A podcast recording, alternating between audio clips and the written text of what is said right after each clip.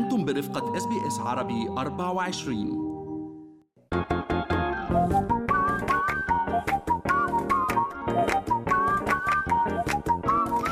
شو في ما في من أستراليا وحول العالم بفقرة منوعات آخر فقرات برنامجنا الصباحي Good Morning Australia وأنا بترا طوق الهندي. يا هلا بترا يسعد صباحك يا صباح هلا. وعينا. هلا الواحد هلا حلو حلو الواحد يصحى هلا من النوم. تخيلي وعندنا هاي اللكجري انه الواحد يصحى الساعة 9 وخلص البرنامج.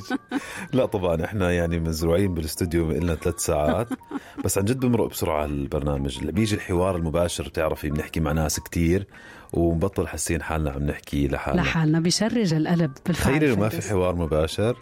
بيكون تقيل بيكون تقيل الوقت أكيد. عن جد. شو رأيك نبلش منوعاتنا اليوم من سوريا؟ يلا. شو رأيك نحكي عن الزلزال؟ أكيد فارس يعني آه، بعدنا هونيك وبعده القلب هونيك. آه، هيك استوقفتني قصة فاطمة. قصة وجع آه، أو قصة بتجمع فيها كل أوجاع زلزال سوريا وتركيا. يعني آه، رح نطير معاكم على تركيا تحديدا على ولاية آه، أديمان اللي هي من الولايات الأكثر تضررا. لبنى مع كل أهالي الضحايا الحقيقة ودائما بنتأمل كل صباح أنا وبترا يكون في المزيد من أخبار العثور على ناجين ولكن يعني حتى نكون واقعيين الأمل شبه تلاشى بشكل كامل. الحقيقة العالم اللي كانت تعرفه فاطمة فيجن اللي اخترتي لنا إياها بترا كوجه حزين لهي المأساة آه، اللي كانت تعرفه العالم اللي كانت تعرفه تغير راح انهار عالمها الصغير في هالولاية. بالفعل فارس فاطمة روت وقالت آه، كان في كتير من القتلى بعائلة زوجي أمي بيي إخواتي إخوته أبنائهم وبناتهم. منزل عائلتنا نهار آه، وبالوقت نفسه قتل عمي وزوجته وأطفالهم وحماتهم يعني كيف واحد بتخيل هيك نوع فارس مأساة؟ مشان هيك من بقي على قيد الحياة عم بعيش موت من نوع تاني فاطمة خسرت 30 شخص من عائلتها والله الواحد يقف عاجز يعني أمام هذا النوع من الأخبار والقصص. عشر أطفال بهالعيلة صاروا أيتام بفعل هذا الزلزال. من قصة فاطمة تذكرت قصة شاب سوري لروح الرحمة كان أيضا من ضحايا الزلزال. كان بالبداية ناجي نجا من الزلزال. ولكن كل أفراد أسرته قضوا في إحدى الانهيارات في شمال غرب سوريا. شو حكى وقتها بترا لإحدى وسائل الإعلام؟ ما بنساه يعني هالتعليق. حكى كلهم بخير إلا أنا. يا الله. بعدين رجع بعد كم من يوم هو فارق الحياة أيضا. فصاروا ناس يكتبوا على السوشيال ميديا لروح الرحمة. كلهم أصبحوا بخير الآن. اللي بضل ومعظم أفراد أسرته صاروا في القبور. صعب جدا صعب جدا. اليوم عم ينحكى عن متلازمة النجاة فارس. لماذا أنا بقيت على قيد شعور الحياة بالذنب يمكن الشخص. أكيد فارس أكيد. وهيدا الموت الداخلي بتقول فاطمة حتى لما منوقف بعدني بشعر إنه عم الأرض عم بتهز تحتي. هي بحالة بحالة زلزال داخلي وعاطفي أكيد. والله بترا هداك اليوم عم بقرأ آه، ب- بنفس السياق بقول لك يعني آه، بس نحكي عن صلابة الأرض التي نقف عليها. آه يعني مثال على الاستقرار صح؟ الثبات. الواحد آه مثال الثبات بالحياة. فإذا تحرك كل مفاهيمنا عن الاستقرار تتحرك بتنهز. إذا الثابت صار مهتز يعني آه، ما بالك آه، آه، الاهتزاز النفسي اللي ممكن إنه يشعر فيه الأشخاص. آه، بفتكر هلأ رح يبلشوا كل هالقصص الإنسانية فارس وأنا أكيد إنه رح يطلع كتير مساحات نور.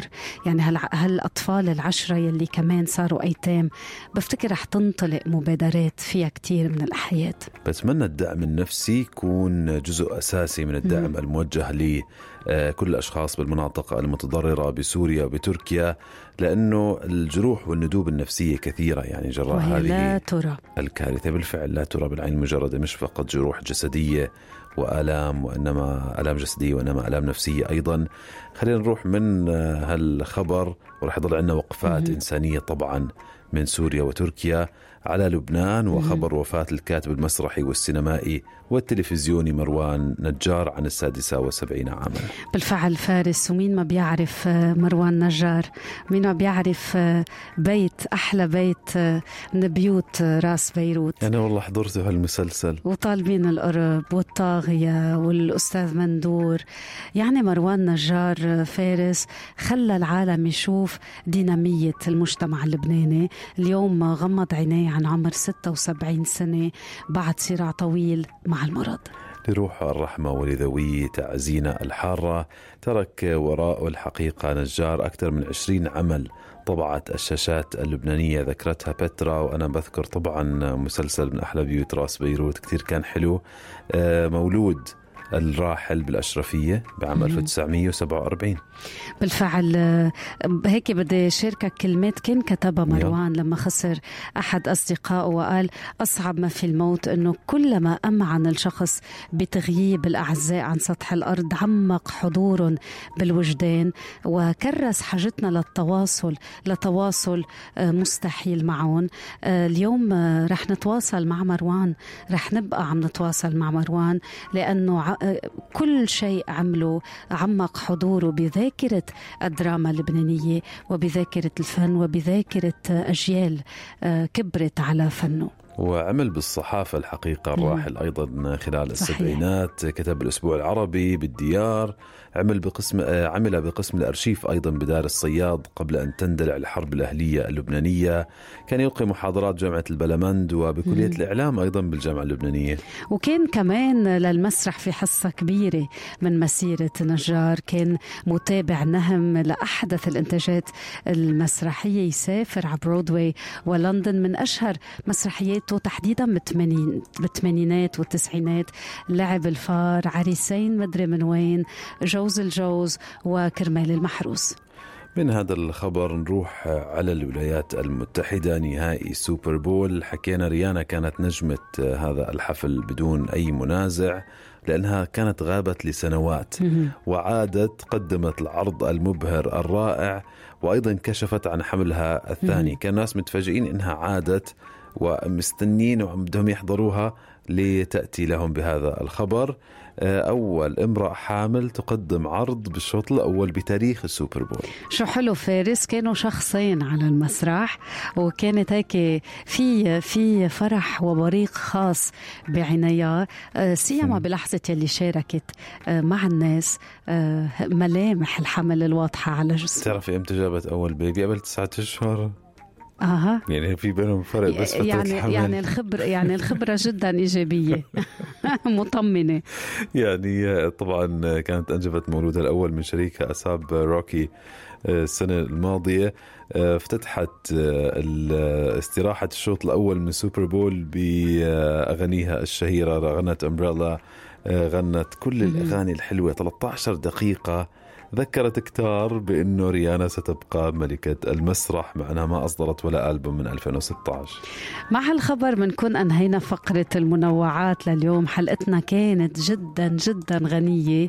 آه، شخصيا استمتعت بهالتبادل العميق لمفهوم الديمقراطية والحرية. شكرا لكل الأشخاص. 15 متصل ومتصلة. شكرا لكم ما كان عنا صوت نسائي لليوم.